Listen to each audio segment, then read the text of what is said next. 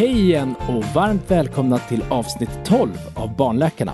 Idag är Mata på semester, så det får vara du och jag Mia som håller ställningen i denna veckans avsnitt. Ja, det blir spännande att se hur det ska gå.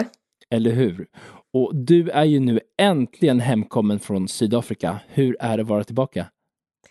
Ja, men du, alltså, jag landade i morse vid sju, åkte direkt från flygplatsen hem, tog en snabb dusch och tog mitt e-tjänstekort och åkte direkt till sjukhuset. Eh, så att jag är lite mör, men eh, jag mår faktiskt toppen även här, för jag har haft det så fantastiskt. Men när jag klev in i min lägenhet i morse, morse så kände jag bara borta bra men hemma bäst. Det var faktiskt riktigt skönt att få komma in i sitt eget space och få komma tillbaka till ett soligt Stockholm. Ja, men jag förstår det och vi är så glada att ha dig hemma. Jag ser så mycket fram emot att få höra allting om din resa. Och det är verkligen så skönt att du tagit med dig solen hem från Sydafrika också. Ja, men eller hur? och nu när våren äntligen gjort inträde på våra breddgrader så kommer det ju tyvärr inte bara med sol, energi och fika på uteserveringar. Nej, vågskålen måste ju balanseras och just därför antar jag att både pollen, insekter och kryp ska göra livet lite jävligt. Till en av dessa kryp så hör ju fästingar till. Och inte nog med att de ska suga ditt eller ditt barns blod. Nej, de kan ju såklart även bära på infektioner som kan smitta oss människor.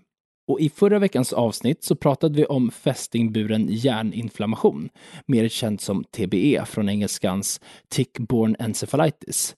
Och vi ville börja med det här avsnittet i hopp om att våra lyssnare nu skulle gå och vaccinera sig. För har ni inte redan gjort det, så snälla gör det på en gång. För det, det är ett vaccin som gäller för alla från och med ett års ålder. För TBE är en mycket allvarlig sjukdom eh, och eh, kan ge bestående men för resten av livet. Och vi har ingen behandling mot, mot det viruset som orsakar TBE. Det vi däremot har är ett effektivt vaccin som skyddar en mot att ens bli sjuk. Så har ni inte gjort er läxa från förra veckans avsnitt, se till att du och alla i din närhet vaccineras mot TBE. För det ingår inte i det svenska vaccinationsprogrammet och man måste återupprepa vaccinet var femte år. Och det gäller ifall man har då följt de här första tre doserna som ges tätare. Men nu ska vi gå vidare till dagens avsnitt. Eh, och det fortsätter på fästingburna sjukdomar. Det är temat som har varit nu den här månaden. Och det vi ska prata om idag är nämligen borrelia. Borrelia orsakas till skillnad av TB av en bakterie och inte ett virus. Vi har effektiv behandling mot eh, denna bakterie, nämligen antibiotika, men vi har dock inget vaccin. Och Mia, har du någonsin haft borrelia? Nej, jag har faktiskt aldrig haft varken eh, borrelia eller TBE. Och jag har mm, vad jag vet faktiskt bara haft en enda fästing i vuxen ålder och den såg jag krypa på min, eh, på min hud och jag lyckades plocka bort den innan den sög sig fast. Och jag har faktiskt inte haft någon i min familj heller som haft det och det kanske, det kanske skvallrar om att jag inte är så mycket i skogen. Eller hur? Har du haft borrelia, Mattias? Ja, jag är en sån som, eh, det bara myllrar av fästingar på mig. Eh, varenda sommar får jag plocka massa fästingar. Och jag har även haft borrelia, men det var i tonåren. Och, och, det var så, jag hade inte ens märkt att jag hade haft en fästing då. Men jag spelade mycket golf den sommaren och då jag slår långt och snett så spenderar jag mer tid i skogen än på själva golfbanan. Och så var det en morgon när jag gick ner i underkläder och t-shirt för att äta frukost hemma hos mina föräldrar där jag bodde. Och så frågade min mamma vad jag hade gjort på benet. Och så tittade jag då på baksida av vänster lår och hade där en två decimeter eh, i diameter stor ring på baksida lår. Så jag bokade en tid på vårdcentralen. Läkaren tittade på, eh, på utslaget och två minuter senare gick jag hem med ett recept på antibiotika. Och sen var det hela över. Då, du måste bli bättre på golf helt enkelt. Ja, jag antar det. Det är det som är problemet. Men mm. ja, det, det, var nog en 15 år sedan, men det har inte blivit bättre sedan dess. Så det, det, det lär nog bli fler borrelia-vänder eh, för mig. Men borrelia kan ju faktiskt ge klart mer besvär än vad jag fick. Och det är ju det vi ska gå igenom i dagens avsnitt. Vi ska nämligen prata om hur bakterien smittar, vilka symptom man kan få, hur vi läkare ställer diagnos och så ska vi även gå igenom behandling och hur man undviker att ens bli smittad. Varmt välkomna till Barnläkarna!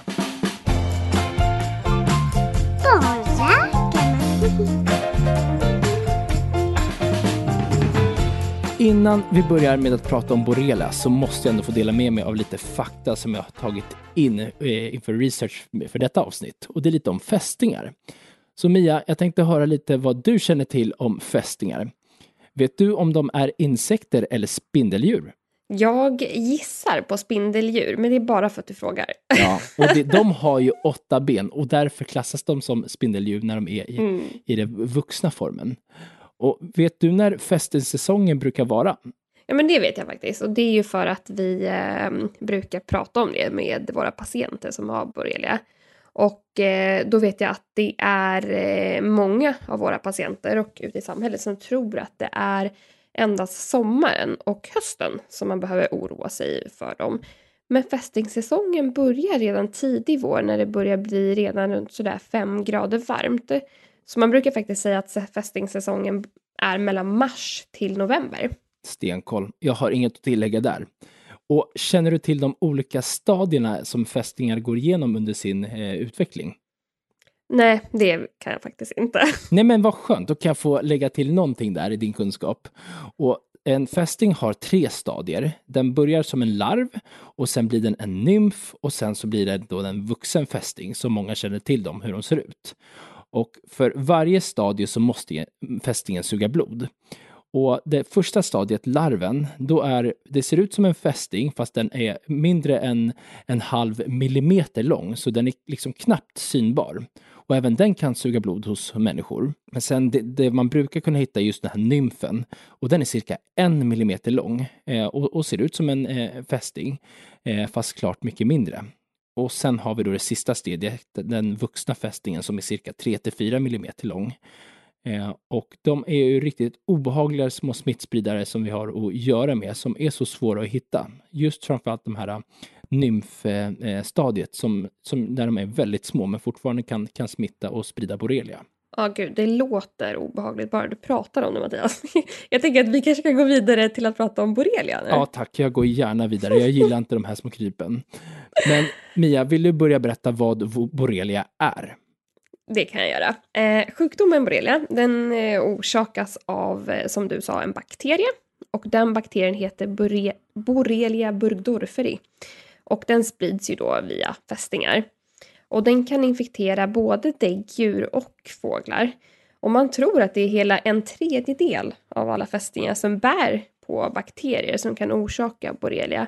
Men det är som tur är bara en av 150 fästingbett som ger borrelia-infektionen.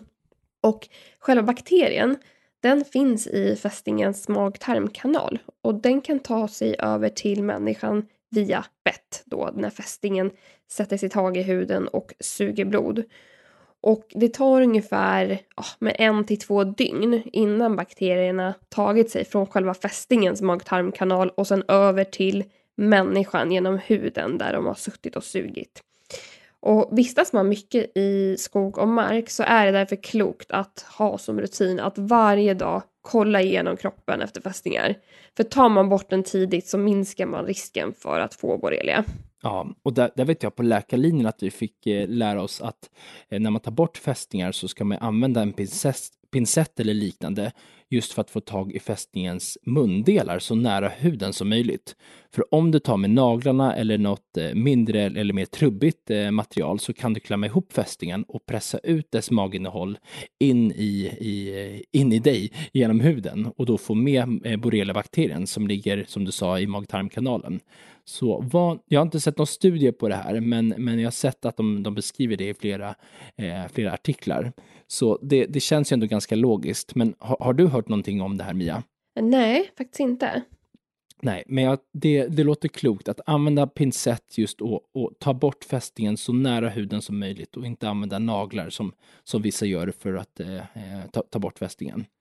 Ja, men det här med pincetten hade jag koll på, men jag visste faktiskt inte att det var just för att man kunde klämma till fästingen och liksom få vätskan in i sig från tarmkanalen.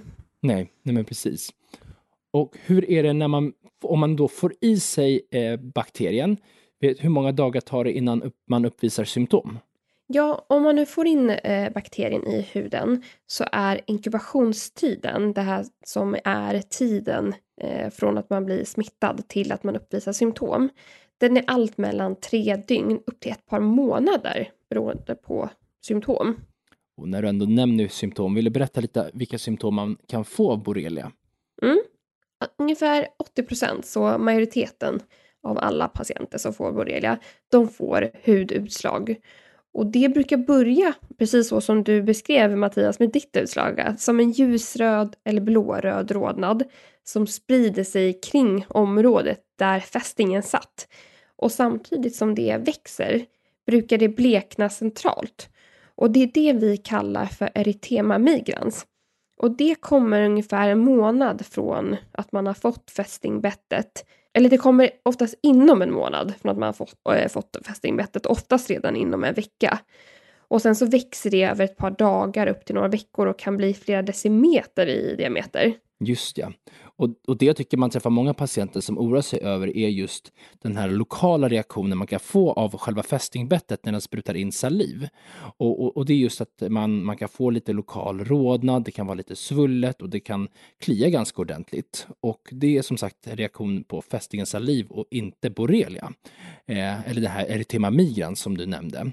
Och den här lokala reaktionen av fästingens saliv brukar liksom vara begränsad, att den inte växer mer än 3 cm i storlek. Och eh, eh, eh, de här symptomen brukar lätta sig inom en vecka ungefär. Ja men precis, så de där, som de allra flesta med borrelia, de får det klassiska utslaget, eh, erytema migrans, med den här rodnaden som sprider sig och bleknar i mitten.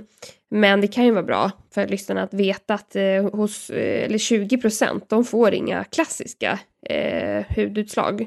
Eh, däremot så kan 10 till 20 procent ungefär få något som kallas multipel erytema migrans. Och då får man flera sådana här klassiska hudutslag på kroppen, även om man bara har haft ett fästingbett. Och det här, om man samtidigt får feber, det anses vara ett tecken på en mer spridd infektion och det ger en ökad risk för spridning till andra organ. Ja, men precis. Och det finns ju även ovanliga hudsymptom som man kan utveckla av borrelia. Man kan få ju något som eh, vi kallar för lymfocytom och det är röda eller blåröda svullnader som man kan få kring öronsnibben eller faktiskt kring bröstvårtan. Och det, det är väldigt ovanligt men kan vara ett eh, isolerat tecken på borrelia. Så får du eller ditt barn en oklar rodnad, svullnad eh, kring öronsnibben eller kring bröstvårtan så, så, ska man som läkare ändå tänka att det kan vara borrelia. Och sen finns det en annan, eh, också väldigt ovanlig hudåkomma både hos vuxna men framförallt hos barn, eh, där man efter flera månader eller flera års obehandlad borrelia kan utveckla tillstånd som vi kallar för akrodermatit. Och det här är liksom blåröda förändringar som oftast uppkommer på, på fötter eller på benen.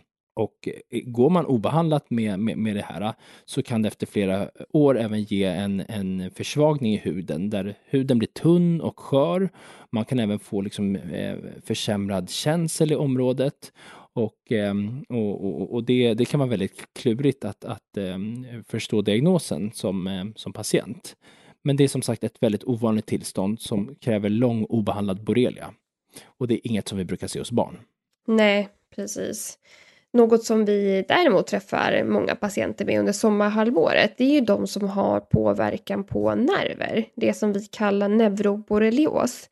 Och efter ett par veckor till månader med borrelian, eller med borrelia, då kan bakterierna ta sig in i nerverna och centrala nervsystemet och det kan ge en hjärnhinneinflammation med symptom som huvudvärk, nackvärk, eh, trötthet, aptitlöshet och kräkningar. Och det kanske det hade inte du Mattias, eller hur? Det hade jag inte, nej. Nej. Man kan även få nervsmärtor och muskelsvaghet i både armar, ben och även i ansiktet. Och en väldigt vanlig patientgrupp som vi ser på barnakuten är just barn och ungdomar som har fått en plötslig ansiktsförlamning. Och de allra flesta av dem har inte haft någon klassisk hudrodnad eh, som talar för en sån här erytema migrans, utan de hör till den här eh, 20 procent av patienterna som inte får någon eh, tydlig eh, symptom från, från huden. Och eh, de kan oftast ha upplevt en eh, trötthet eller lätt huvudvärk, men ingenting som eh, gjort att de har sökt sjukvården. Men sen får de en plötslig akut nytillkommen ansiktsförlamning. Eh, och, ehm, och, och, och, det gör att de söker till, till barn och ungdomsakuten. Men, men det man också kan få är muskelsvaghet och känselsbortfall i, i andra nerver, i armar och ben. Ja, just det. Men du Mattias, nu har vi ju pratat om ehm, eh, hudpåverkan, nervpåverkan, lymfocytom och akrodermatit. Men ett annat organ som kan påverkas, det är ju lederna. Spridd borrelia kan även ge en akut eller återkommande svullnad i en eller flera stora leder. Och typiskt så brukar det vara knäleden. Och det är viktigt att utesluta andra orsaker till ledsvullnad när man träffar en patient med det. Men borrelia kan vara en av orsakerna. Ja, de är luriga de här eh, bakterierna som smittas från fästingar. Och sist men inte minst så måste jag nämna ett sista organ som är väldigt ovanligt att det påverkas, men det är just hjärtat. Så vid en spridd borrelia så kan man få en eh, bakterieinfektion som sätter sig på hjärtat och ger retledningsrubbningar och att man kan få hjärtmuskelinflammation. Men det här är otroligt ovanligt, men ändå värt att nämnas. Ja, det är ovanligt och det är inte något man vill ha. Men du, eh, är det dags att vi tar upp eh, hur vi ställer diagnos? Ja, precis. Så diagnosen borrelia är lätt att ställa om han har en sån här tydlig eh, erytema migrans. Då behövs inga tester eller ytterligare undersökningar i de typiska fallen. Och det är så tillfredsställande som läkare när man har en patient som kommer in med ett besvär och man direkt kan bara säga det här är borrelia. Och, och, där brukar vi dra en gräns om man har en 5 cm eh, centimeter eller större eh, rodnad med eh, central blekning efter, eller på en plats där fästingen tidigare suttit. Då, då ska man sätta in behandling med antibiotika för, för borrelia. Men har man samtidigt feber eller att man har flera sådana här ytema migrans, då skriver man ut en annan antibiotika som är lite bredare, som täcker lite fler bakterier, just för att det är lite ökad risk för spridd infektion. Och just den här rodnaden brukar då blekna efter eh, 4 till 5 dagars eh, antibiotikabehandling och försvinner därefter successivt. Men det är inte ovanligt att den är kvar efter man har behandlat klart med antibiotikakuren, men det kommer gradvis att eh, minska i, i, i färg. Det finns även blodprov där man tittar på antikroppar mot bakterien och man kan då utvärdera en typ av antikropp som bildas tidigt vid infektionen, den så kallade IgM-antikroppen. Men så kan man även se på en annan typ av antikropp som heter IgG-antikroppen som man har kvar under längre tid och visar om man någon gång har genomgått en borrelieinfektion. Men vid eh, en sån här akrodermatit med en sån här långdragen eh, borrelia eller om man har en sån här påverkan i centrala nervsystemet, en så kallad neuroborrelios, då brukar man ha kraftigt förhöjda eh, nivåerna nivåer av den här IgG-antikroppen. Och man kan även jämföra nivåerna över tid för att se om de ökar eller ligger oförändrade, som också kan tala för att man har en pågående borrelieinfektion. Men vid misstanke om en så kallad neuroborrelios där eh, bakterien tagit sig in i centrala nervsystemet, då, då är det ett ryggmärgsprov som vi har pratat om tidigare som man ska ta eh, för att ja, se. Det börjar, bli, det börjar bli populärt eh, för dig att förklara vad ryggmärgsprov är. Eller hur, det är min grej. Mia, vill du berätta om hur vi behandlar borrelia? Ja, men som sagt, du har ju redan nämnt att eh, borrelia-bakterien, den är, bakterien, den är känslig för antibiotika. Och man behandlar olika länge, om lite olika antibiotika beroende på vilken typ av organ som är påverkat. Och absolut vanligast är som jag nämnde att huden, eller att det endast är huden som är påverkad. Och då är det oftast 10 till 14 dagars behandling beroende på antibiotikaval. Och vid neuroborrelios, då när nerverna är påverkade, då är behandlingstiden också 10 till 14 dagar, men man använder en bredare antibiotika som har en bättre förmåga att ta sig in i det centrala nervsystemet där bakterien då befinner sig. Och vid eh, lymfocytom och akrodermatit, då krävs det flera veckors behandling med antibiotika. Men nästan viktigast att nämna är just hur vi bäst kan förebygga att ens få borrelia. Ja, du är ju bra på att eh, förklara det här med ryggmärgsprov, men som sagt så är det min grej att gå igenom tips. Eh, och precis som vi gick igenom i förra avsnittet så är det ju det här med att undvika att få fästingbett. Och i andra hand att man snabbt avlägsnar de här fästingarna som man faktiskt har fått. Men jag har fyra tips som jag tänkte ta upp. Och det första är att man ska ha heltäckande klädsel och stövlar när man är ute i fästingtäta områden. Det är då skog eh, eller eh, mark där eh, det finns mycket fästingar. Och det andra tipset, det är att kontrollera kläderna regelbundet och borsta bort eventuella fästingar som lättast syns på ljusa kläder eftersom fästingarna är svarta. Och det tredje tipset, det är att eftersom de här åtgärderna som jag nämnde innan inte utesluter att fästingar kommer innanför kläderna så rekommenderas man att efter varje vistelse i ett fästingområde inspektera hela kroppen. Och det sista eh, tipset är att det kan vara klokt att duscha och kamma håret också.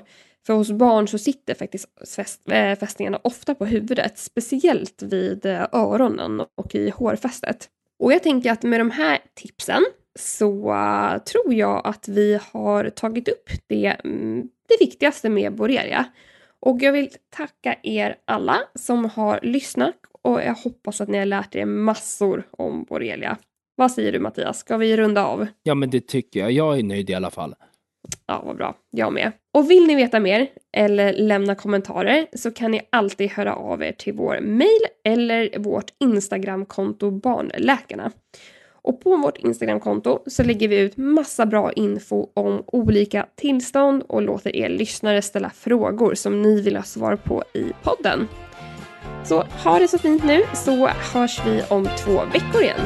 Hej då! Hej då!